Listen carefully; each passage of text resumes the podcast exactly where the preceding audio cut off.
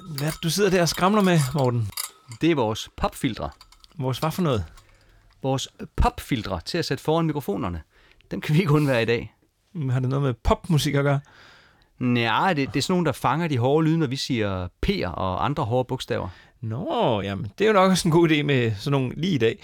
Det er det nemlig, for vi skal jo omkring øh, sangtitler som Pop og kun pop og Popmusikernes vise. Hurra for popfilter. Ja, og hurra for TV2.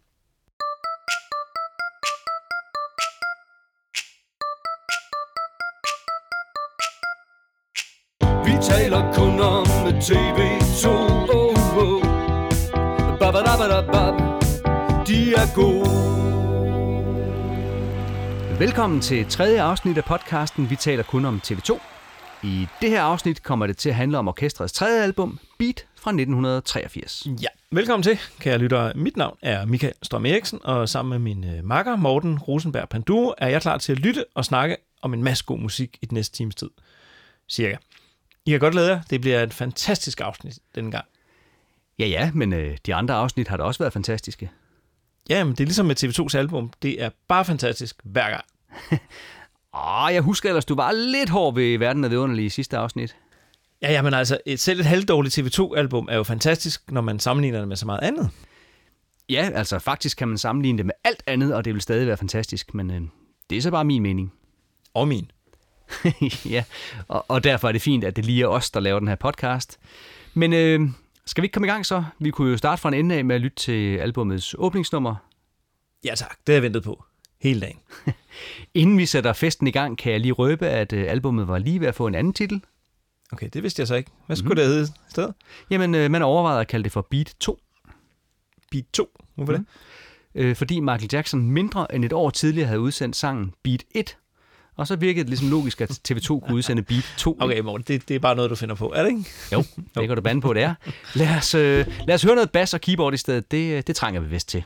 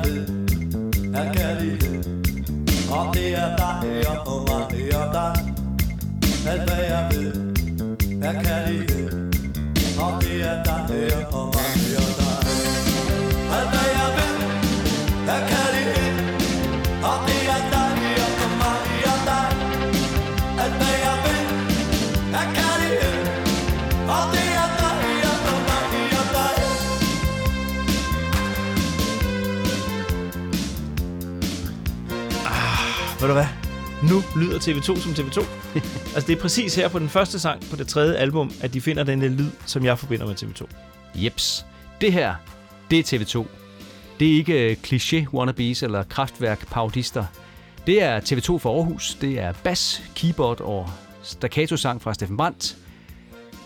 Når jeg prøver at se TV2 i det helt store billede, så er fortællingen jo ofte, at de to første plader lød på en måde, og at TV2 fandt deres lyd her på Beat. Alligevel har jeg fundet en anmeldelse fra da pladen udkom, hvor der står, at den nye plade til forveksling ligner de to foregående. Okay, det synes jeg så slet ikke. Men jeg synes, at øh, kærlighed er et stinkende møghit. Tre linjers tekst gentaget i en uendelighed. Et genkendeligt keyboard-tema og en markant basgang. Helt simpelt, men vildt lækkert. Lige præcis. Men måske er sangen ikke helt så simpel, som den giver sig ud for at være. Hvad mener du? Ja, altså, prøv lige at tælle efter en gang. Alt, hvad jeg ved, er kærlighed, og det er dig, og mig og dig. Der er to dejer mm. og et jeg. Er vi ude i sådan noget om et åbent forhold her, eller er det en familiefar, der hylder sin nye situation med kone og barn, eller... Ja, eller er det bare Steffen Brandt, som bedre kunne få til at passe med melodien med, med to jeger, eller to dejer, ikke? Ej, jeg, jeg tror simpelthen, at det her det er et skoleeksempel på, at noget, der virker simpelt på overfladen, godt kan stikke dybere og have et ekstra lag, når vi taler TV2-sange. Nå ja, det kan du selvfølgelig godt have ret i, men altså, uanset så er jeg vild med det. Og det er jo også... Øh, sangen er måske lidt overset i dag, men jeg kan huske, at journalisten Steffen Jungersen af flere omgange tikkede TV2 om at tage sangen med på setlisten igen. Måske endda som koncertåbningsnummer. Ja, det kunne da egentlig være meget spændende. Øhm, Steffen Jungersen, siger du. Han er det mest rocker, ikke? eller hvad? Jo, det tror jeg nok, men mener du ikke, at øh, TV2 er et rockorkester? Nej, er det, er det ikke mest et poporkester? Måske et øh, pop-rock-band? Altså, jeg er altså mest glad for at kalde dem et poporkester. Altså, det er, når man tænker på, hvad den næste sang hedder nemlig. Ikke? Den hedder jo Pop og kun Pop. Ja, okay. Lad os kalde dem et øh, poporkester så. I hvert fald på den her plade. I den sang, vi skal høre nu, kommer de også med noget, jeg vil kalde en slags øh, programerklæring. Vi er, hvad vi vil, og vi gør, hvad vi kan. Så øh, lad os høre noget pop. Og kun pop. Pop til de smukke og pop til de rige Pop til alle os, der intet har at sige Pop til den fremtid, vi har fået efterladt Pop til de huse, der synger som besatte Pop til kulturen, som er fin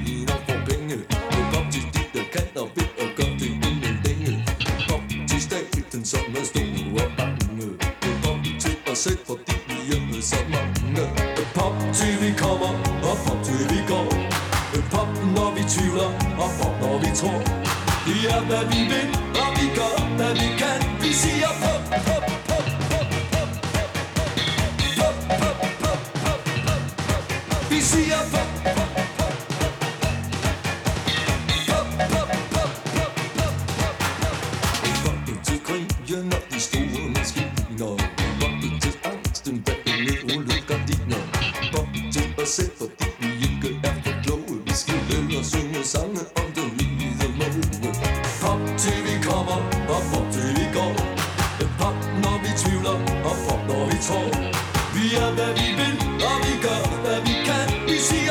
pop, pop,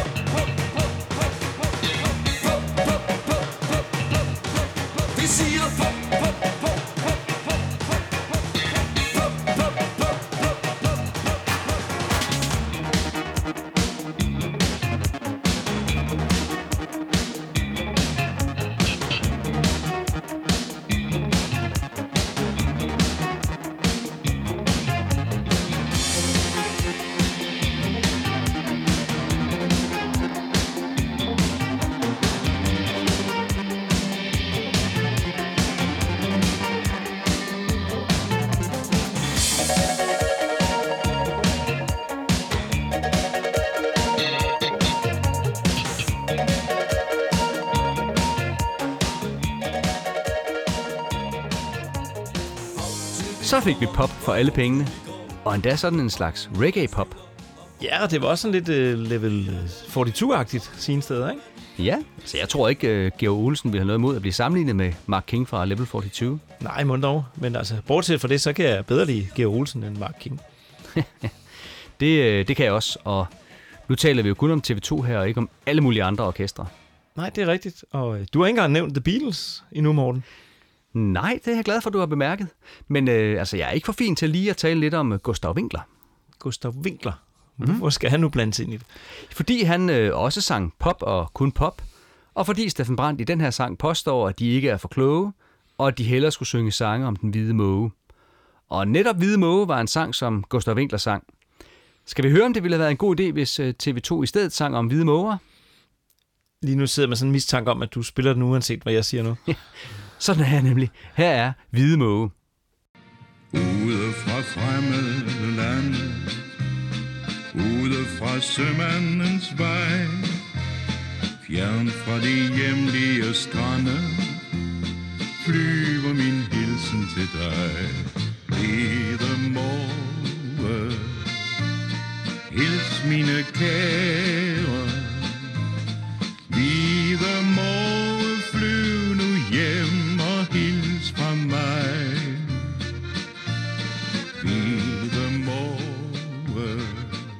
Nå, hvad siger du så, Michael? Skulle TV2 hellere have sunget sange om den hvide måge?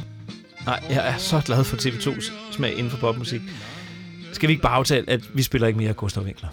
Ah, det tør jeg ikke love, men ved jo aldrig, om han kunne finde på at snige sig ind i podcasten en anden god gang, men vi kan aftale, at han ikke kommer mere med i det her afsnit. Yes, please.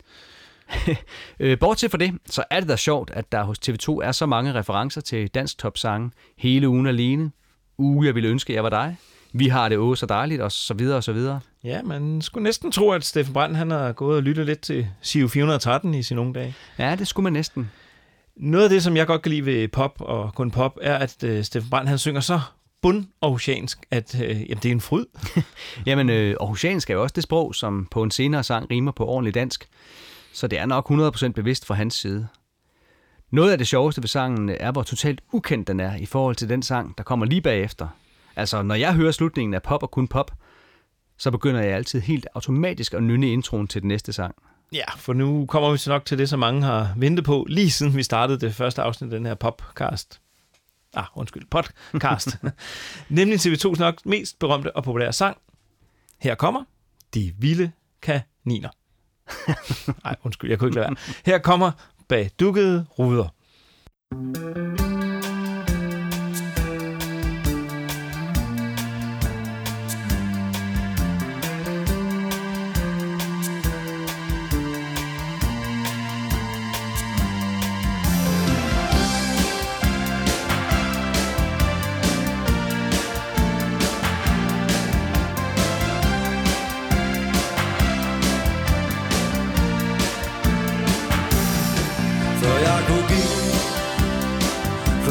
skænke dig en tanke.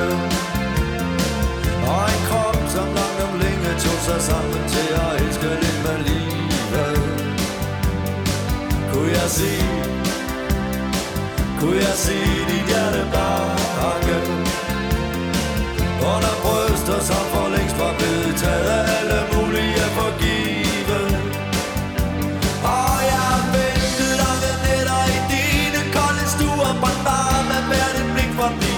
dukkede ruder. Fra altid dukkede ruder.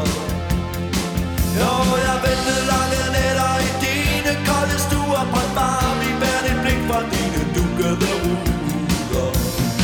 Fra altid dukkede ruder. Før jeg kunne tro før jeg kunne tro på mine løgne. Og en sandsynligvis korrekt beregning for det var gode. Så jeg ind Helt ind i dine øjne. Og forsvandt i et svindlende styrt Hvor bunden endnu ikke er nået.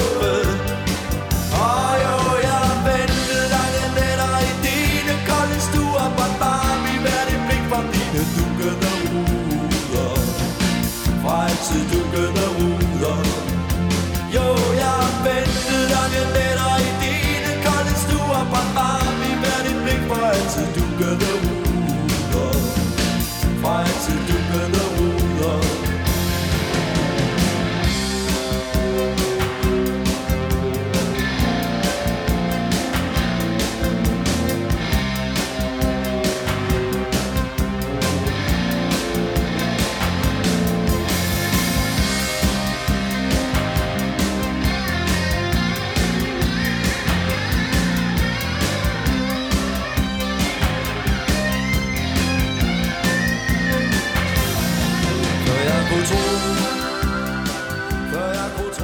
Det der, Morten, det er lyden af dansk pophistorie. Ja, det er på alle måder en stor sang. Hvis du beder et øh, repræsentativt udsnit af den danske befolkning om at nævne en TV2-sang, så vil en stor del af dem nok nævne den her. Den er øh, blandt de mest afspillede TV2-sange i radioen, og ligesom den også er pænt med i toppen af TV2-hitlisterne på for eksempel øh, Spotify. I 2002 kårede Danmarks Radios lyttere sangen til at være verdens bedste danske sang. Ja, og i 2011 så blev den i et tv-program udråbt som den største og bedste landeplage nogensinde. Den er blevet spillet til stort set samtlige TV2-koncerter siden 1983, og i de sidste mange år har den været slutsangen til samtlige koncerter. Der har i flere omgange sådan været øh, afholdt forskellige afstemninger i, i TV2's diverse fanklubber om, hvilken af TV2's sange, der var den bedste. Så vidt jeg ved, så har Badukket Ruder vundet hver eneste gang. Fanforumet Under Stjernerne på Facebook afholdt tilbage i 2015 en afstemning, hvor Badukket Ruder var taget helt ud af konkurrencen. Ja, så det er en populær sang. Yes. Men hvorfor? Ja, det er jo et godt spørgsmål, fordi rent musikalt, så minder den jo en del om de andre numre på beat. Øh, der er en markant bass, og der er keyboard-tema. Ja, så er der jo sådan en fed guitar-solo. Ja, og et klassisk nærmest eksploderende Steffen Brandt omkvæd. Og på Fri som Fuglen Live 87, der præsenterer Steffen Brandt sangen som deres egen yndlingssang. Men, øh, men der er noget ved den her sang, som jeg ikke bryder mig om. Nå, okay. Og øh, hvad er det? Jamen det er, når den bliver spillet til koncerterne. Fordi så ved jeg, at det hele snart er slut. Oh, ja, det er rigtigt. Øhm, men til gengæld så elsker jeg jo den der tradition med, at vi skal stå og svinge med armene fra side til side. Øh, Det ser fedt ud, og det giver sådan en god fællesskabsfølelse. Og, og så går publikum jo bare generelt amok over den her sang hver eneste gang. Ja, det må se vildt ud op på scenen. Ja, for pokker. Øhm, jeg har så også tænkt på, at Badukket Ruder sandsynligvis bliver den sidste TV2-sang, jeg nogensinde kommer til at høre live. Puha, nej. det, det kan jeg slet ikke holde ud og tænke på, det der. Nej, det kan jeg heller ikke. Men øhm, er der ikke noget med, at sangen den blev ikke det største hit, da pladen udkom? Nej, det er rigtigt. Det var popmusikernes vise, som vi vender tilbage til lige om lidt. Ja, det er rigtigt. Øh, men sangen vandt alligevel efterhånden øh, mere og mere popularitet, og da TV2 blev inviteret til at spille i Eldorado Lux nytårsaften, skulle de spille Badukket Ruder. Og det er et klip, som man kan se på YouTube, hvis man har lyst til at se en masse 80'er festklædte mennesker danse rundt i et tv-studie. Ja, det har jeg for eksempel tit lyst til. Det kan jeg da godt afsløre. Okay, tak for den info. Øh, og nu vi er ved pinlighederne, så kan jeg da afsløre, at jeg som barn er til at komme til at fejlhøre teksten lidt. Jeg er opvokset i den lille by Tyrgod, som ligger tæt på den lidt større by Give. Så der, hvor Steffen Brandt synger under bryster, som for længst var blevet taget af alle mulige for givet, der hørte jeg under bryster, som for længst var blevet taget af alle mulige fra Give. Og, og helt ærligt, så synes jeg stadigvæk nogle gange, at det er det, han synger. Jeg tænker, at jeres skolelæge skulle have været lidt bedre til at rense din øre, Morten. Så, eller, ja.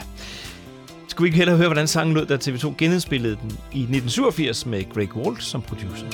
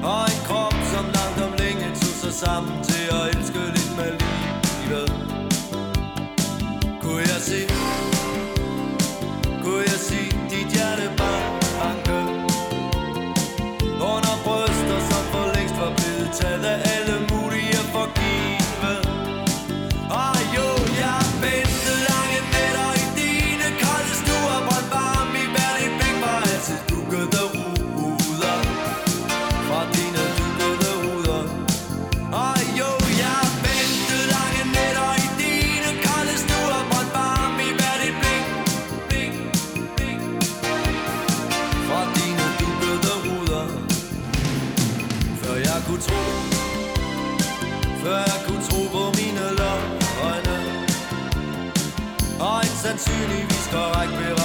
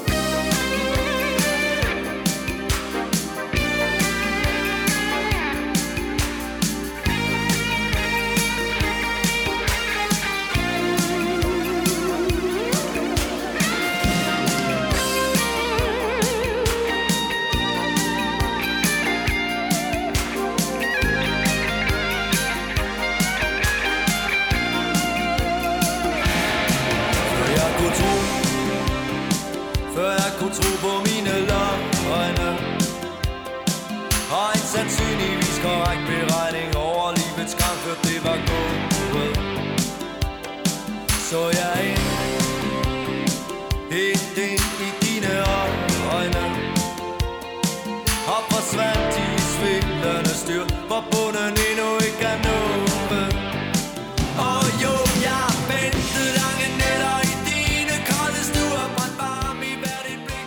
Hvis du vrider armen om på ryggen af mig og tvinger mig til at vælge, så tror jeg faktisk, at jeg bedst kan lide 87-versionen, men altså, det er jo da en smagssag. Jeg tror, jeg kan blive begge versioner. Ja, det kan jeg da også, men hvis nu jeg pigen død skulle vælge, så... Men det skal du jo ikke, vel? Fordi vi har jo begge personer versioner, ikke? Hurra for det. Ja, hurra, hurra. Og et utal af live-versioner også. Yes. Øhm, og så i øvrigt, så tror jeg ikke, vi må undervurdere TV2's betydning for andre musikere. Øh, nej, det kunne jeg da heller aldrig finde på, men hvad tænker du på sådan helt Jamen, konkret? øh, nu kommer jeg nemlig til, lige til at sidde og tænke på det britiske orkester New Order. Fordi de har jo nærmest 20 stjålet Baduket Ruder af deres sang 1963. Kan vi ikke lige høre introen til den sang? Og så spil introen til Baduket Ruder lige bagefter. Øh, okay, det prøver vi.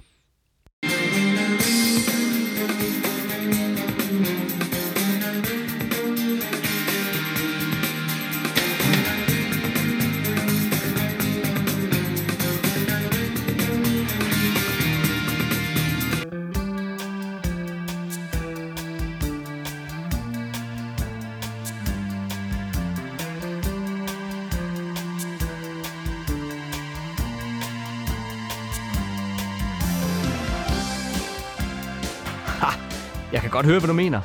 Og New Order sang, den er fra 1987. Ja. Jamen, øh, så er det jo nærmest teori. Ja, det er det nemlig. Hvad kan vi finde på mere at sige om Baduket Ruder? Nej, det skulle der lige være. at Det naturligvis var den sang, der lagde navn til boxsættet, som TV2 udgav i 2012 med de indtil da samlede værker.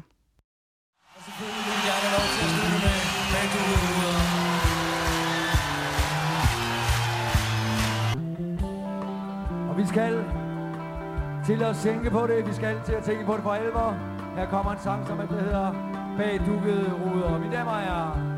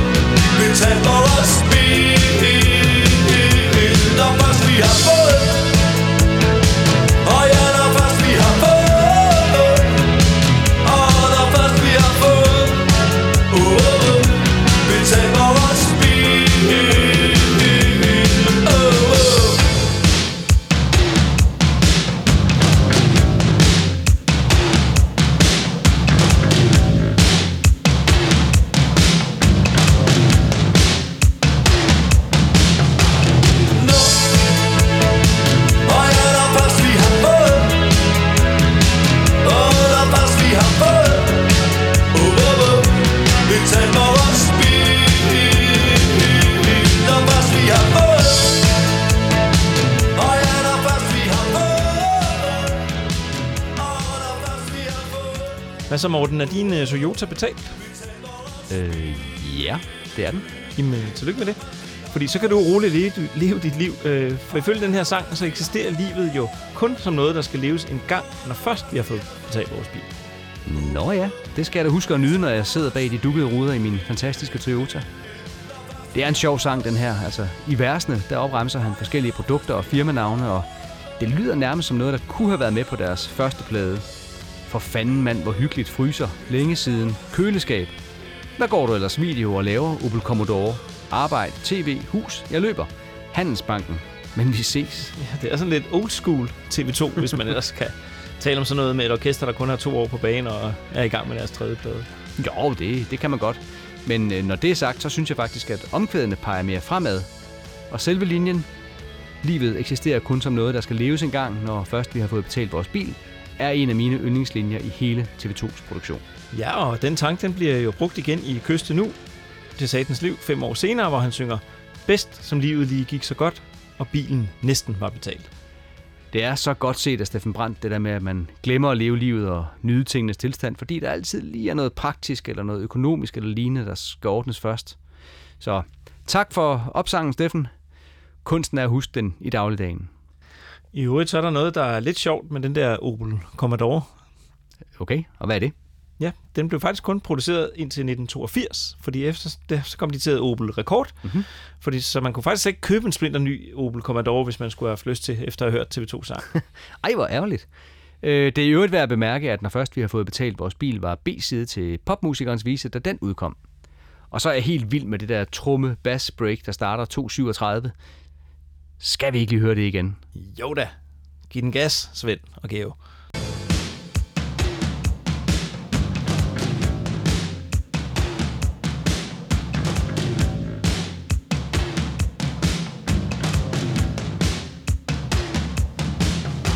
Ja, men det er så lækkert. Det bliver jeg aldrig træt af. Nej, men ved du, hvad man kan blive træt af? Øh, ja, der, der er mange ting, men, men ikke noget, der har noget med TV2 at gøre i hvert fald. Nej, nej, det siger jo sig selv. Men altså alle, og det er inklusiv TV2, øh, de kan jo blive lidt trætte af at se tv. Så Ah. her kommer selvfølgelig trætte af tv.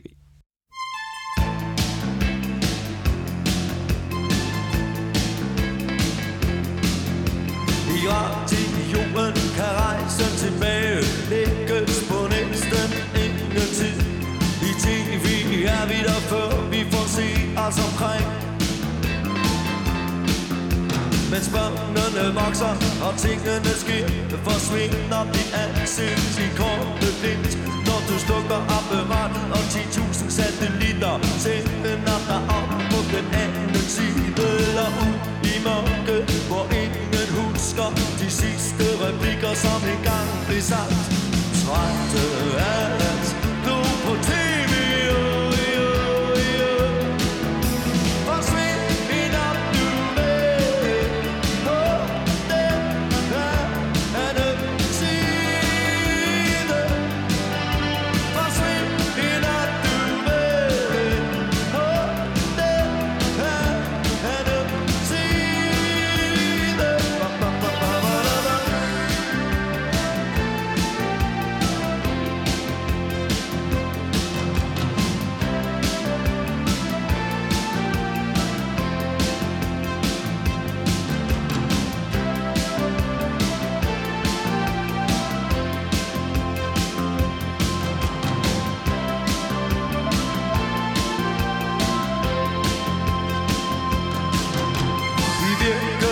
tiden kan livet leves på næsten den halve tid. Fremtiden og måske lige at få begyndt. Men spillet den ruller forsvinder mit tvivl. I et øjeblik vi kunne slukke apparatet Lad den store satellit sende os tilbage til der Hvor vi kom fra. Tilbage til mørke Tilbage til lyset Tilbage til glæden Tilbage til livet Tilbage til Aarhus. Trætte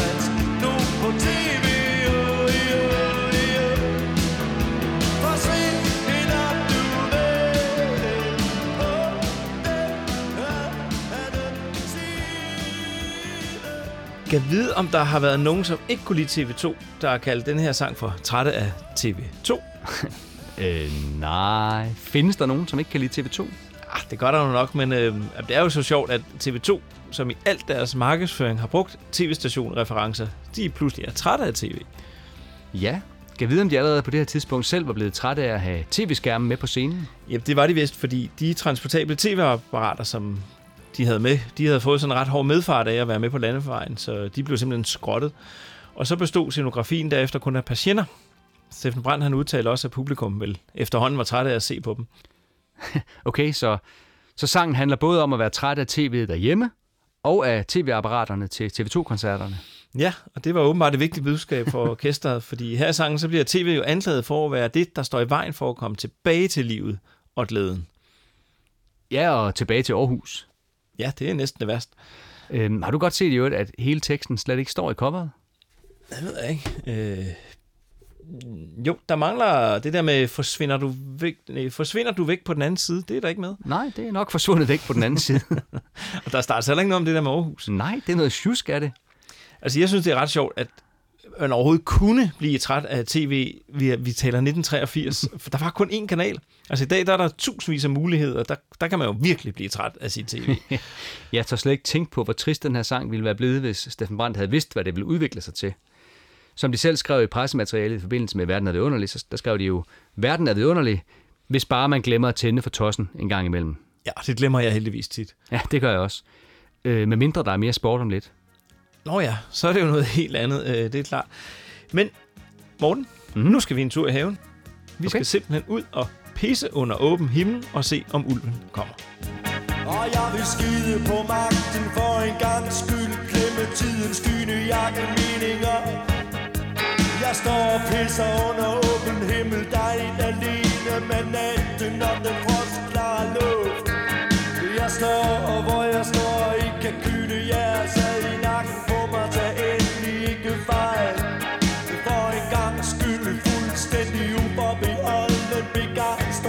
outside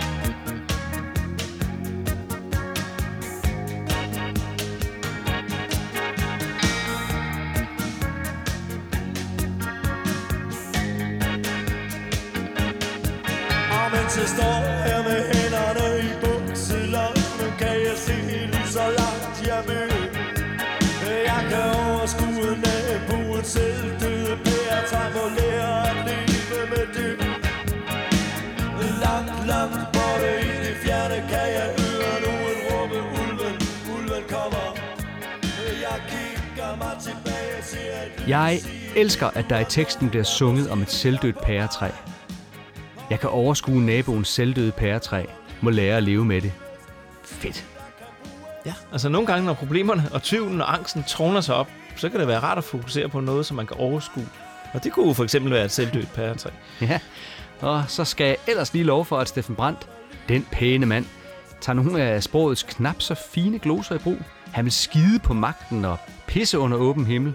Ja, det er endda allerede i første vers, at han går i gang med det der. Øhm, og så senere, så står han så med hænderne i bukselommen. Så tænker jeg, at vi skal gå ud fra, at pisseriet er overstået. Øh, jeg synes, der er noget fantastisk ved melodien. Langt hen ad vejen, der er den ret monoton, men lige pludselig bliver den bare vanvittigt smuk, der hvor han synger, jeg kræver det hele. altså det monotone ved melodien er vel meget passende i en sang, hvor Steffen Brandt han taler imod 80'ernes ligegyldighed og jubikultur og materialisme. Det er næppe en tilfældighed, hvis jeg kender Steffen Brandt ret.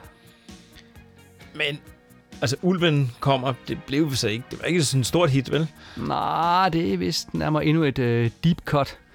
Jeg ville godt nok ønske for TV2, at de snart kunne få et rigtigt stinkende møghit. Ja, det ville være god, ret god karriereplanlægning. Hvad med at udsende den her som single forløber til albumet så?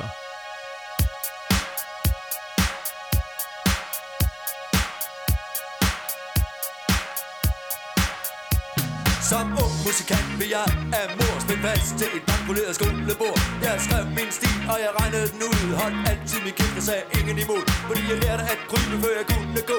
Så endte jeg med pop, og stjerner på. Oh, hey! Så vil jeg med et minimum af fri student På mindre end en halve tid. Mit smil var brændt og karakteren svag. Mine lektier skrev jeg helt uden ubehag. Fordi min høflighed ikke var til at misforstå Så endte jeg med pop, og stjerner på. Hey!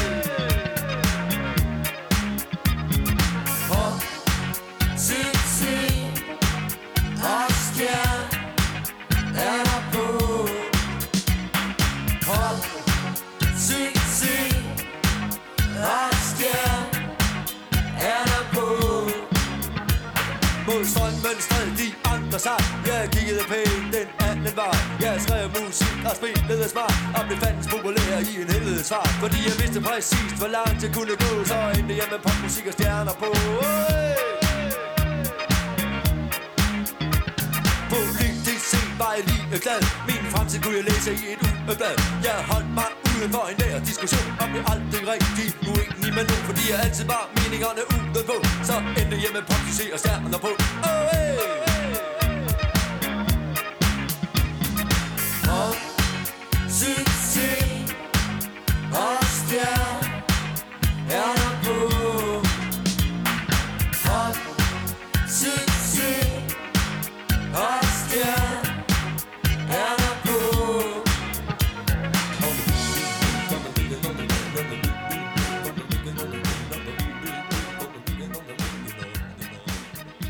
Ja, det var da en sang, man havde hørt før. Jeps, her er vi for første gang ude i kategorien stinkende møghit. Jeg var 8 år gammel, da sangen udkom, og jeg husker det som om, at den blev spillet hele tiden. Ja, og du var helt vild med det, ikke?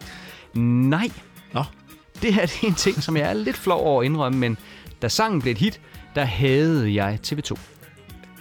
du havde ikke bare sangen, du havde simpelthen TV2. Yes. Okay, jeg troede, du var kæmpe fan, Morten. Jamen, jeg er kæmpe fan nu, men som 8-årig, der var jeg Shubidua-fan, og jeg elskede alt, som de nogensinde havde lavet, men ikke ret meget andet. Og så lige pludselig ind fra højre og fra Aarhus, der kom TV2 med en sang, som lød meget anderledes end noget, Shubidua havde lavet, og, og de blev langt mere populære. Jeg kan virkelig huske, at jeg tænkte, det lød vildt moderne, det der. Altså, jeg var også stor Shubidua-fan. Øhm, det er jeg sådan set endnu, men jeg er lidt ældre end dig, fordi i 1983, der var jeg været 16-17 år, ikke? så var jeg jo nok begyndt at opfinde Schuberne som måske lidt barnlige. I hvert fald så husker jeg, at popmusikernes vise, det var sådan et frisk pus, der var meget hip at lytte til, når man var teenager på efterskole. Altså, jeg havde bestemt ikke TV2. Nej, jeg vil godt lige minde om, at du stadigvæk er ældre end mig, Michael. Det er ikke, det er ikke holdt op. Ah, ikke nu. Det er rigtigt nok. det gør det nok en dag. Øhm, det hører også med til fortællingen her, at jeg synes, at Steffen Brandt han lignede en dreng, som boede på samme vej, som jeg gjorde. Og ham var jeg lidt bange for. Så måske var Steffen Brandt også farlig. Altså, jeg gentager, jeg var 8 år. ja, okay, Morten. Var det for helt sikkert. Hader du stadigvæk TV2? Nej, jeg elsker TV2. Og det ved du også godt, Michael. ja, det ved jeg godt. Jeg driller bare. Øhm, sangen her, den har faktisk en ret sjov forhistorie. En af orkesterets roadier, han kunne af en eller anden grund teksten til Admiralens vise uden ad. Øhm, den var fra operetten øh, HMS Pinafore, som oprindeligt var fra, ja, hold lige fast, 1878. Den var skrevet af Gilbert og Sullivan. Og i den forestilling var der en sang, der hed When I Was a Lad. Ja, præcis. Og i den danske version, så kom den sang så til at hedde Admiralens vise. Og af urensagelige grunde havde TV2's roadie altså lært sig den sang uden ad. Øhm, lad os lige prøve at høre, hvordan den egentlig lyder. Her er det med Jørgen Renberg.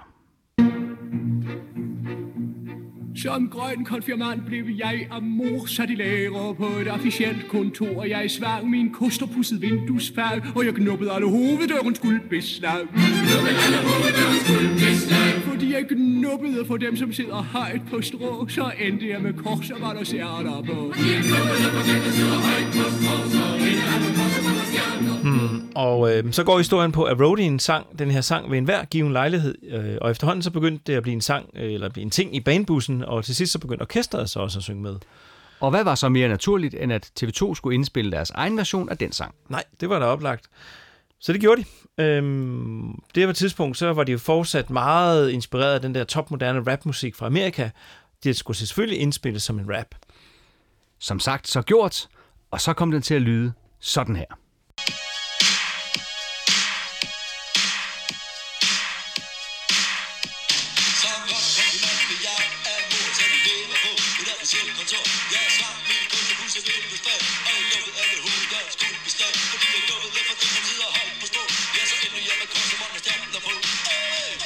Det er altså ret sjovt at høre den version der. Øhm, og så kunne historien faktisk være sluttet. Lige der. Men historien er ikke slut. Nej, fordi skæbnen ville af en vis Jens Louis Petersen, som havde oversat When I Was a Lad fra engelsk til dansk, han ville altså ikke være med til, at hans tekst skulle være med i en rap-sang. Og hvad gør man så, når man er en talentfuld aarhusiansk sangskriver? Man isolerer sig i en weekend med en karton smøger og et par flasker rødvin, og skriver der bare en helt ny tekst, som ender med at passe meget bedre ind i den situation, som man selv står i på lige præcis det tidspunkt af sit liv. Netop. Steffen Brandt han omskriver Admiralens vise til popmusikers vise, og vupti, så står vi med en af de mest profetiske tekster i dansk pop- og rockmusikshistorie. Ja, for pludselig er TV2 et af landets allermest populære orkestre, og de er her, der og alle vegne med pop, succes og stjerner på. Jeg tror slet ikke, at sangen ville være blevet hit, hvis de havde beholdt den originale tekst. Nej, det tror jeg heller ikke. Det her det er et af de tilfælde, hvor der virkelig er tale om held i uheld. Ja, og som om det ikke skulle være nok, så blev de inviteret til at spille det allermest fornemme sted, man overhovedet kunne optræde som dansk poporkester i 1983. Øh, okay. Og hvor var det? Øh, På Amalieborg? Nej, nej, nej, nej. De fik lov til at medvirke i Eldorado hos Jørgen Mylius. Nå ja, det var det største af det største. Jeg har engang hørt Steffen Brandt fortælle en historie om, at de takkede ja til invitationen, men også at de havde en lang række kunstneriske forslag til, hvordan, det gerne ville, hvordan de gerne ville præsenteres og tage sig ud. Og Jørgen Mylius sagde, at det var sjovt, for det havde han også. Han forestillede sig noget med nogle piger i garderuniform, der kørte på kondicykel. Okay, pyha. Jeg tænker, det var meget godt, at Jørgen Mylius han ikke fik sin vilje. Det ville være for åndssvagt. Jamen, han fik skam sin vilje, for ellers kunne TV2 da bare blive hjemme. Og deres optræden med kontrabas, lille tromme og meget tydelig playback, sammen med de cyklende garderpiger, kan den dag i dag ses på YouTube. Okay, det skal jeg simpelthen lige ind og se, når vi er færdige med at optage i dag. Jamen, du kan roligt glæde dig. Eller noget. Men øh, ellers så er det jo også en sang, som findes i indtil flere versioner. På livealbummet Fri som fuglen bliver den præsenteret som en sang, der er elsket af mange og hadet af endnu flere. Og jeg tænker, det er umuligt at tælle, hvor mange gange den er blevet øh, spillet live, og gerne med en eller anden mulighed for publikum for at råbe noget åndssvagt. En af mine yndlingsversioner af sangen er fra livealbummet Greatest Greenland, Sæler, Valer og Solskin. Her får orkestret hjælp af den grønlandske rapper Marci, og han giver den gas. Prøv lige at høre.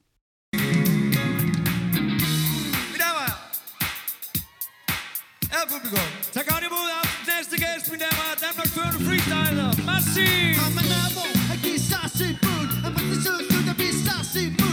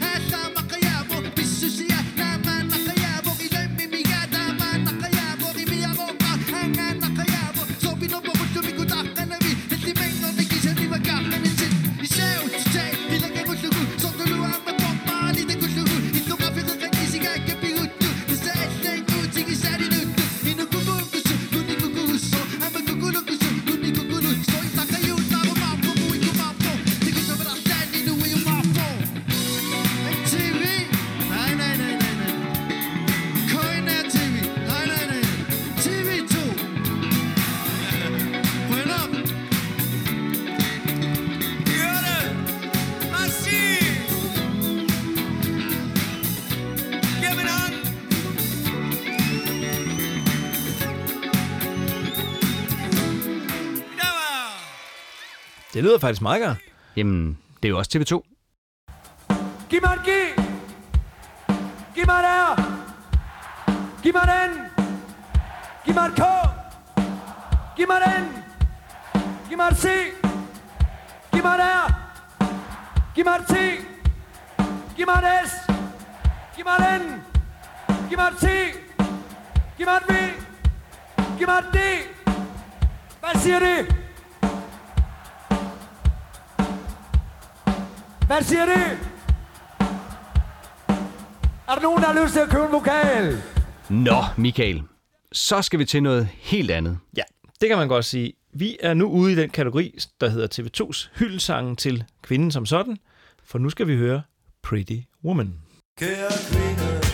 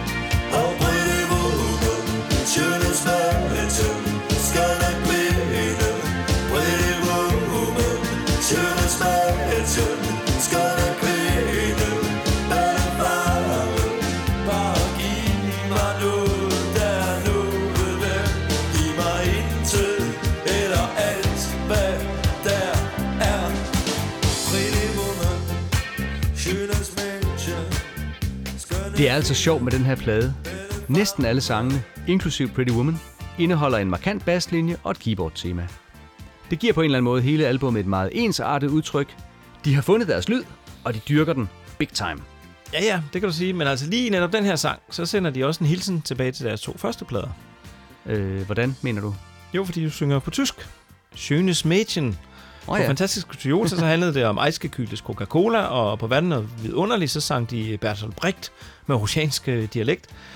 Og øh, her er der lige en lille hilsen til vores tyske bruderfolk også, ikke? mm-hmm. Kan jeg vide, om det er Svend Gavl, der jo er opvokset i Flensborg, der har insisteret? Øhm, prøv lige at høre, det hedder altså Schleswig. Det hedder ikke Slesvig, det hedder Sch- Schleswig. Slesvig. Ej, prøv lige igen. Sle Slesvig. At sige Schnitzel. Snitsel. Ah, ikke helt. Prøv lige igen. Schleswig eller Schnitzel. Slesvig Schnitzel. Jamen, det kan da godt være, at vi kan takke Svend Gavl for de mange halvtyske sange i starten af karriere. Og de fortsætter også i sporet fra julesinglen fra året før. Øhm, der der var så den engelske udtale, der var lidt speciel. Ja, jeg hører også en direkte linje fra From All of Us til Pretty Woman. Jeg hører det som en øh, vis ironisk distance. Jamen, det tror jeg også, at det er. Mm-hmm. Morten, øhm, da vi snakkede om verden er vidunderlig, så antydede du, du også havde noget spændende musikalsk guf med til den kommende episode, altså den, vi sidder og indspiller nu. Mm, Har du det? Jamen, øh, det har jeg da. Altså, om det er decideret guf, det, vil- det vil jeg lade andre om at vurdere, men hvis man tror, at Steffen Brandt altid bare dukker op i studiet med fikse og færdige versioner af sine sange, så skal man næsten lige have lov til at høre den her demoversion af Pretty Woman, hvor hverken tekst, melodi eller keyboard-tema er helt på plads endnu. Oh, pretty woman,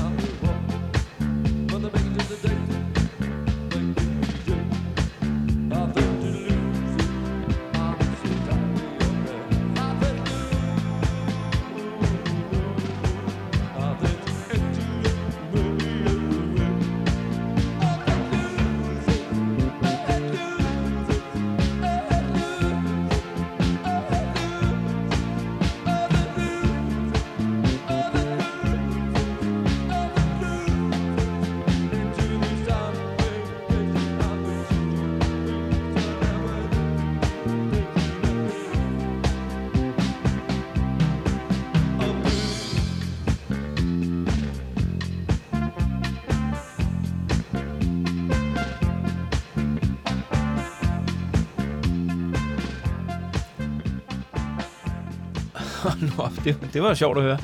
Øhm, jeg så for nylig en dokumentarfilm om spillefilmen Pretty Woman. Ja, det gjorde du vel. Ja, det gjorde jeg nemlig. øh, der forklarede de, at filmen oprindeligt havde skulle hedde 3000 dollars, men at de ændrede titlen, da de hørte Roy Orbison sang Pretty Woman. Ja, øh, og, og, det må klart være en fejl, tænker jeg. De, de må have ment, at de ændrede filmens titel, da de hørte TV2's sang Pretty Woman. Ja, og det tror jeg, du har ret i, Morten. Det vil give så meget mere mening. øh, nå, for nu at vende tilbage til Beat og TV2. Hvordan var det så? Udsendte de en programerklæring øh, sammen med Beat, altså ligesom de gjorde med de to første plader? Nej, ikke helt. Men øh, pladen blev dog sendt afsted med en lille forklaring, der lød sådan her. Vi laver ikke tekst og musik for at opnå noget. Vi tror, at vi er kommet til det punkt, hvor vi laver det, vi har lyst til. Man kan godt være et alternativ til total bevidstløs pop. Det er bedre at synge en ordentlig og relevant tekst, end at scrolle med på noget bagl. Sådan. Hvem gider også skråle med på noget bagl? Altså, så heller råbende åndssvagt, ikke? Ja, lige præcis. Øh, og faktisk er det på det her tidspunkt, at det også går op for anmelderne rundt omkring, at Steffen Brandt er et sangskrivertalent, ud over det sædvanlige. Prøv at høre det her, øh, hvor anmelderen i Fredericia Dagblad skriver noget om pladen. I øvrigt, samme dag som de også anmelder Kim Larsens Midt om natten. Her er et virkelig godt bud på årets danske rockplade. TV2 har ramt jackpot med denne udgivelse, der er en skønsom blanding af den ny og den gamle rockmusik. Lydbilledet er roligt og afslappet, og i det hele taget hviler der en dejlig stemning af humor, charme og talent over denne plade. TV2 er i sit S, når der serveres en blød, vuggende reggae-rytme, men kan også mestre de mere hårdt pumpende numre eller den mere ensformige technopop. Sangene ligger musikalsk og tekstmæssigt på et højt niveau. Jeg er især faldet for badukkede ruder, og når først vi har fået betalt vores bil. Teksterne handler om livet, der skal leves lige nu, og med de nederlag, det giver. Sangeren Steffen Brandt får her sit gennembrud, men i det hele taget er der meget god rock i bandet.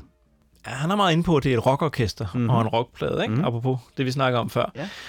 Men altså, okay, sangene, de ligger i hvert fald musikalsk og tekstmæssigt på et højt niveau. Det kan vi godt blive enige om. Øhm, og det der med tekster på et højt niveau, det får vi så lige et skoleeksempel på her i sangen Lyde i natten. som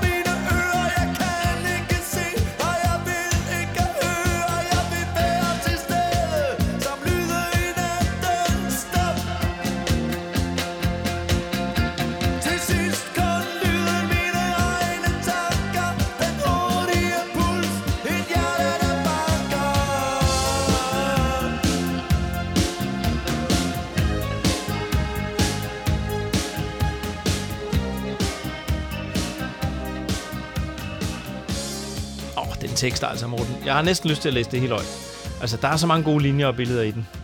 Hvad sker der om natten, når jeg ikke kan sove? Er det dig, der løbende, der er løbende skridt gennem gaden? Er du lydig i mørket, som ingen kan se? Er det dig, jeg kan mærke danse rundt i mit ansigt? I takt til bilernes vinende bremser? Quick, quick, slow, slow, igen og igen. Ja, og er det mig, der hænger som en gadelampe og dingler i en tynd tråd frem og tilbage, uden skygge af chance for at finde mig selv? Ja, det er ret fantastisk. Altså, jeg er vild med det. Og som noget helt specielt, så er der faktisk ingen rim i versene. Det er kun i omkvædet. Mm. Mm. Nu tænker jeg bare, nu snakker vi om alt det her. Hvad, hvad, hedder du stadigvæk TV2, Morten? Hold nu op. Jeg var 8 år. Jeg elsker TV2. ja, ja. Jeg synes faktisk helt seriøst, at de er verdens bedste band. Basta. Og derfor bliver jeg også altid overrasket, når jeg opdager, at TV2 ikke har opfundet det hele selv, men at de også er blevet inspireret af andre samtidige kunstnere. I øh, diverse interviews fra tiden omkring udgivelsen af Beat lægger orkestret for eksempel ikke skjul på, at de har lyttet meget til Grace Jones. Er det ikke hende, der var med i en James Bond-film? Jo, hun spillede rollen som May Day i A View to a Kill. Men øh, hun indspillede også plader, og på albumet Nightclubbing fra 1981, der findes nummeret I've Seen That Face Before, Libertango. Og det synes jeg lige, vi skal høre lidt af her. Prøv at se, om ikke også godt du kan høre lidt af lyde i natten her.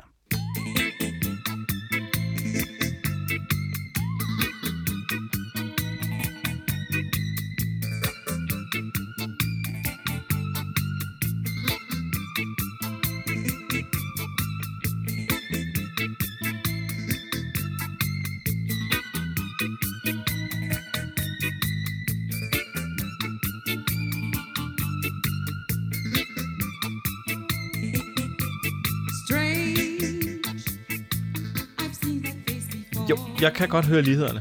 Mm, nu talte vi også om tidligere, at øh, New Order muligvis har lånt lidt fra TV2. Så er det ikke bare fair, at TV2 også låner lidt fra nogle andre?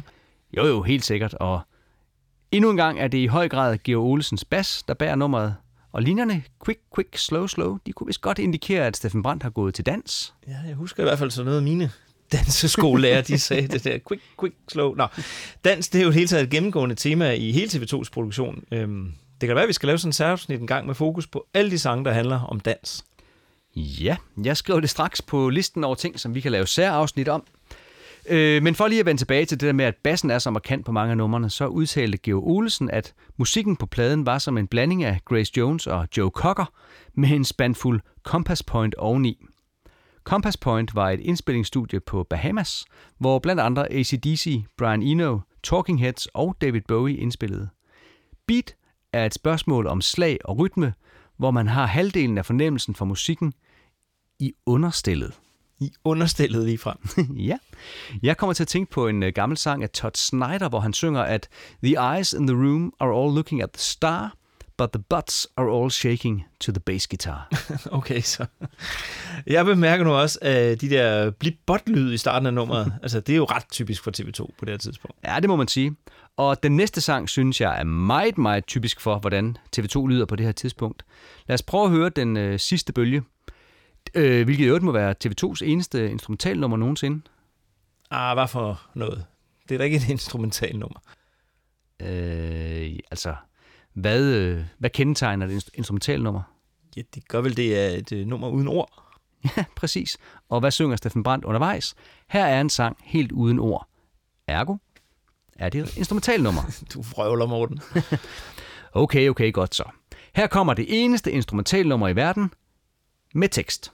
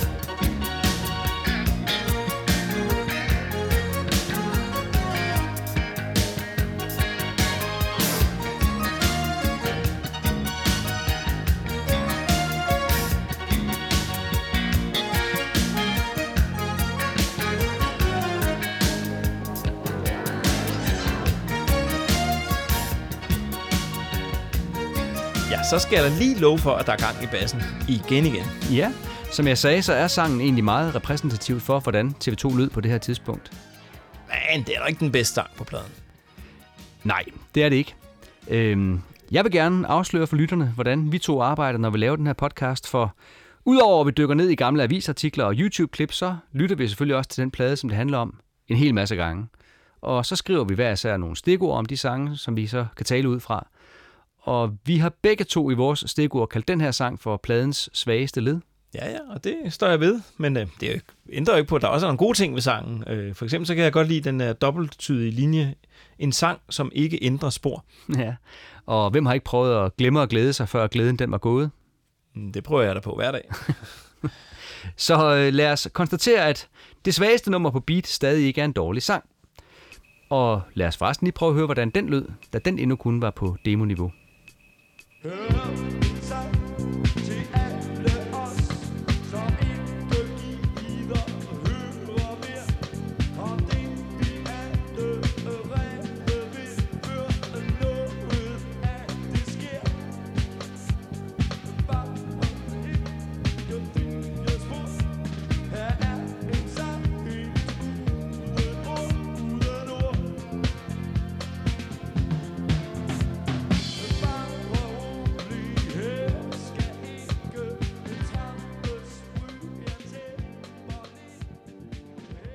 Skal vi ikke også lige få styr på nogle facts omkring beat, inden vi går videre til pladens sidste nummer? Og det hemmelige ekstra nummer, som vi også disker op med i dag. Der skal mere end facts til Og som mig Lad os se en gang. Beat blev udgivet lige omkring 1. oktober 1983. Pladeskal, pladeselskabet det, var fortsat CBS, og sangene var produceret af Niels Henriksen øh, på nær Popmusingers Vise, som blev produceret af Jan Dener. Efter sigende, fordi Niels Henriksen slet ikke kunne lide nummeret. Niels Henriksen han spillede sjovt nok med i Coldpeppers Orchard, hvor TV2's første producer, Sai Niklin, han også var med. Det er da egentlig meget sjovt. Herudover er han mest kendt som producer for blandt andre C.V. Jørgensen, Sebastian, Malurt og, nå ja, Cliché. Ifølge orkesterets egen hjemmeside, så er pladen solgt i 54.000 eksemplarer. Det er indspillet i New Sound Recording i Skanderborg, og efter sigende brugte orkestret cirka syv uger i studiet. Studiet var på daværende tidspunkt det eneste studie i Europa med en digitalt styret mixerpult. Uh, det lyder fornemt, synes jeg. Pladen blev fuldt op af en øh, turné, der gik under navnet Ungdommen tænker kun på sex og fester, hvilket til synligheden var noget, som daværende undervisningsminister Bertel Hårder havde udtalt. Ja, og det er jo i høj grad også noget, der peger frem mod det første nummer på den næste plade, altså nutidens unge. Ja, det må man sige. Turnéen var i øvrigt planlagt til kun at skulle vare i to måneder, men på grund af stor efterspørgsel blev den forlænget med endnu en måned, så de først var færdige nytårsaften. Og apropos vores tidligere snak om, hvorvidt man gad skråle med på noget bagl, så udtalte orkestret følgende om det at synge meningsfulde tekster foran et levende publikum.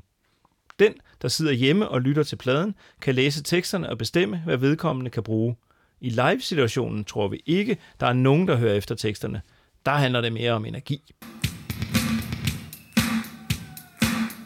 Damer og herrer, ærede publikum, har I lyst til at synge med? Nu tænker jeg sådan set ikke specielt på, om I sådan har lyst, og øh, hvorfor ikke, og hvad skulle I ellers lave på den her onsdag aften, eller er det tirsdag, eller hvor er jeg henne, mine damer og herrer? Hvad er mit navn? Giv mig et eller andet, mine damer og herrer. Øh, jeg tænker ikke på, om I sådan specielt har lyst, eller jeg mener, har I virkelig lyst til det? Må jeg gå så langsomt til at spørge, er I billige med at synge med? Jamen så syng dog. Jeg hører ingenting, så syng dog. Må jeg høre?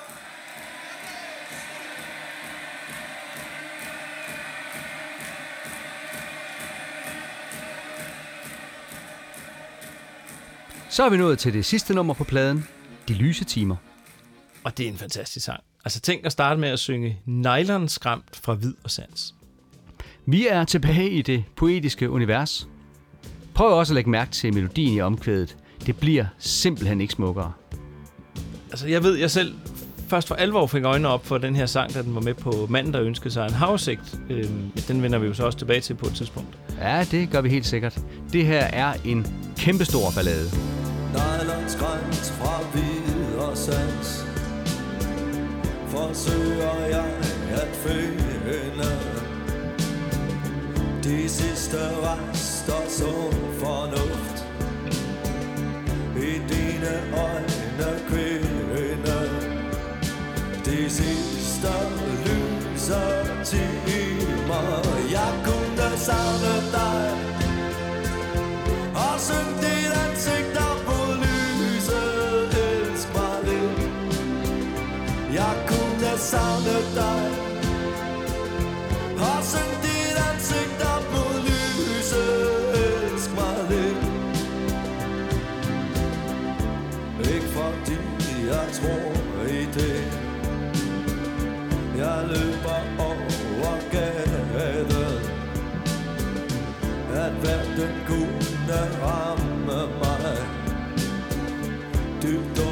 Under overfladen De sidste lyse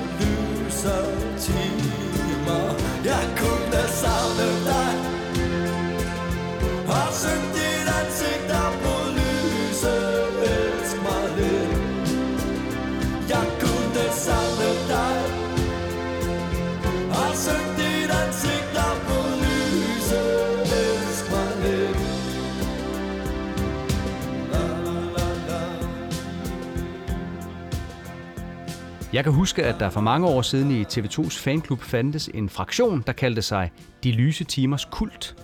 Deres eneste ønske i tilværelsen var, at TV2 skulle spille sangen live.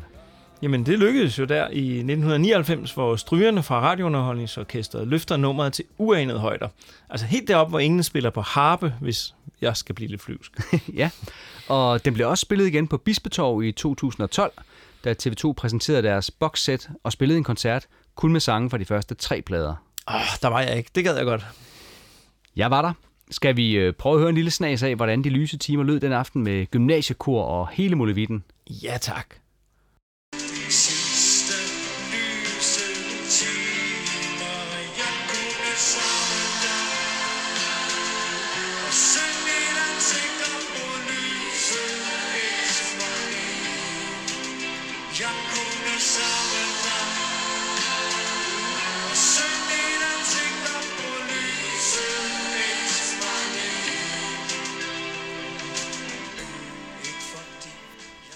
Så er vi nået dertil, hvor vi skal til at anmelde albummet, og inden du afsiger din dom, så vil jeg lige fortælle dig, hvad Steffen Brandt selv har udtalt om det mange år efter udgivelsen. Okay. Vi fik for alvor formuleret vores eget udtryk med sange som popmusikernes vise, bag dukkede ruder og de lyse timer, der ikke var for tøsedrengen. Der er i det hele taget sange på den plade, som stadig kan ryste mig. Altså, det eneste, der ryster mig, det er næsten, hvor godt jeg synes, det er. Øh, Det er et helt støbt album. Øh, Jeg vil kalde det for TV2's første helt støbte album. Øh, Der er et par af teksterne, som peger lidt bagud stadig mod Fantastiske Toyota og Verden er vidunderlig. Men jeg synes, det er for alvor her, at TV2 begynder at lyde som TV2. Altså på vores skala, den går fra 1 til 6 stjerner, så giver jeg Beat 4. Ja, øh, vi er meget enige i dag, Michael. Der er også fire stjerner for mig. Der er nogle sange på det her album, som bare ikke er til at komme udenom. Der er selvfølgelig de oplagte hits i Badukket Ruder og popmusikernes vise. Men nogle af mine yndlingsnumre er også, når først vi har fået betalt vores bil, og De Lyse Timer. Jeg er faktisk også voldsomt glad for, at Ulven kommer, og pop og kun pop kan også altid få mig i godt humør. Okay, det skal jeg lige huske, hvis du skulle hænge lidt med næbet en dag. Har vi mere tilbage på program? Øh, ja, det har vi, fordi vi har begge to talt om, at albummet er helt støbt og ensartet, og for ligesom at understrege den pointe, så har jeg lavet sådan et resume af pladen. Prøv at høre her, hvordan det lyder, når man klipper alle keyboard-temaerne sammen.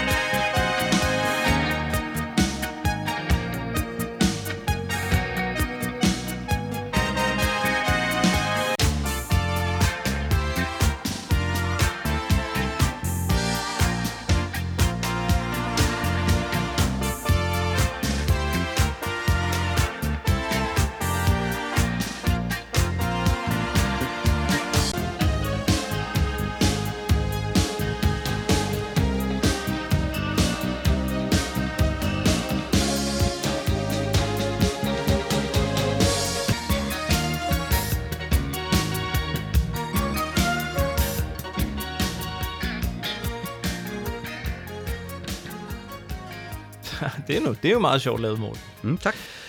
Vi har heller ikke talt om cover endnu. Nej, for søren, det var du ret i. Lad os lige kigge lidt på det. På øh, billedet, der ser vi Steffen Brandt i vand til knæene i rockstjernepositur med et mikrofonstativ i hænderne. Ja, han står simpelthen i Vesterhavet med solnedgangen i ryggen. Ja, og selvom solen er i ryggen, så har han selvfølgelig solbriller på. Ja, ja, han er tydeligvis en rockstjerne, ikke? Og, og så er det jo så løgn, når han så i Lanternen på næste album påstår, at han ikke er en stjerne. ja. Øh, I indercoveret, der har han så fået følgeskabet af, følgeskab af resten af bandet ja. ude i vandet. De ser seje ud, det gør de. Billederne er taget af Ole Christiansen, mens det er Jodam Kærgaard, der har stået for coverets design. Og det er første gang, hun har stået for det, men det bliver bestemt ikke sidste gang. Øh, faktisk har hun siden 1983 stået for det meste af TV2's coverart. Så ikke nok med, at de her finder deres musikalske udtryk, øh, de finder også det visuelle. Mm. Lad mig runde albummet af med en anmeldelse fra Holbæk Amts Venstreblad. Anmelderen frygter på forhånd det værste, da han synes, at de to første plader var både halvhjertet og syntetiske, og at TV2's image var mere kluntet end smart. Han skriver, Forskellen på de to tidligere skiver og den nye kommer først snigende ved gentagende gennemlytninger, som afslører, at det meste af de irriterende ved Brandt Company er renset ud. I sikre hænder hos mesterproduceren Niels Henriksen er der mere bid på programmet, mere dybde i tekster og musik, mere helhed og mere følelse. Denne gang banker Steffen Brands dybest set glade pophjerte for sagen, og det er der kommet en række stærke sange ud af. Sangenes styrke bliver ikke mindre af, at Steffen Brandt synger bedre end nogensinde. Væk er den småpjattede og akavede efterligning af Lars Hug og Peter A.G., mens en ny sanger af format synes at have fundet sin egen stil. Samtidig er Brandts keyboards blevet klarere og mere fyldige, indimellem direkte smukke. Under ham lægger Geo Olsen og Svend så en vuggende tæt rytme, der får det hele til at flytte sig stilfærdigt, men sikkert. Endelig spiller Hans Erik Lærkenfeldt en neddæmpet guitar, der af og til flænser lydbilledet og understreger, at det er alvor det her. Rockscenens aarhusianske klodshans, Steffen Brandt, og hans lejesvende har smidt det klamme billede af sig. Nu spiller de med sjælen i en musik, som samtidig endelig har indfriet de løfter, TV2 altid har givet. Bum. Mm-hmm. Det var i øvrigt her i 1983, at TV2 de købte navnet TV2, så man ikke efterfølgende ville kunne lave en tv-station med samme navn. øhm, og det kunne man så alligevel godt vise det sig, men den snak, den tænker vi kan tage en anden gang. Ja, øh, det at de købte navnet gav i hvert fald i sig selv en masse opmærksomhed i medierne der i 83. Ja, der var nogle journalister, som havde svært ved at forholde sig til, at orkestret det ene øjeblik udsendte rapplende singler, altså som for eksempel julesinglerne fra 1982, som vi talte om i forrige afsnit, for så i næste øjeblik at ville tage seriøst. Ja, men øh, Steffen Brandt ville ikke være Steffen Brandt, hvis ikke han også havde haft et klart svar til disse forvirrede journalister. Han udtalte, der er ingen grund til at blive taget mindre alvorligt, fordi man ikke altid tager sig selv så højtidligt. Sommetider kommer vi over i den letbenede grøft, for vi er jo nogle pjattehoveder. Skal vi ikke også lige nævne, at det er her i 1983, at TV2 for første gang får sin egen fanklub? Jo, det er da en vigtig detalje, og de udgiver også i 1983 albummet Om sommeren er alting anderledes under navnet The Beautifuls. Men vi har enstemmigt besluttet, at vi venter med at tale om det album til en anden god gang. Mm-hmm. Vi vil dog gerne lige nævne, at Greenpeace, som jo var meget i vælten på det her tidspunkt, udgav en plade med diverse kunstnere, heriblandt TV2, som bidrog med sangen Mellem lyset og mørket. Og den sang, som ikke er udgivet andre steder end på det Greenpeace-album, er simpelthen vores helt særlige ekstra nummer i dag. En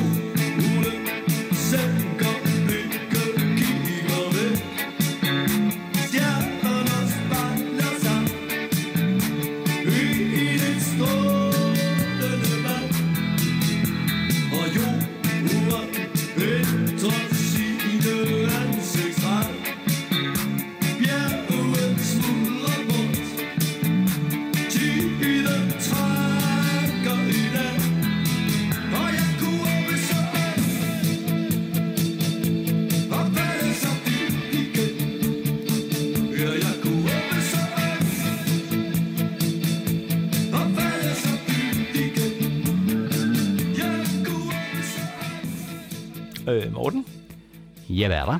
det der omkvæd, ikke? Mm. Minder det ikke om et eller andet? Hmm, jo, det gør det vist nok, men øh, skal vi ikke vente med at tale om det, til vi når til Rigtige Mænd-albummet? Okay, det var nok en meget god idé. Ved du hvad, Michael? Så er vi simpelthen ved at have episode 3 i kassen. Mm, Det er sådan set vildt nok, og, og det passer fint, at vi er ved at være færdige, fordi jeg er ved at dø af sult. Okay, og det, det vil vi simpelthen ikke risikere. Men øh, det minder mig da lidt om det der H.C. Andersen-citat i covernoterne. Nå, hvad er det nu, der står? Det, det er noget med at få noget i skrutten, ikke? Ja, det er et øh, citat fra Dønkongens datter. Hellere noget i skrutten, mens man lever, end være til stads, når man er død. Hørt. det vil jeg gerne uge på. Jamen, øh, det vil jeg også. Er du klar? 1, 2, 3. Ug.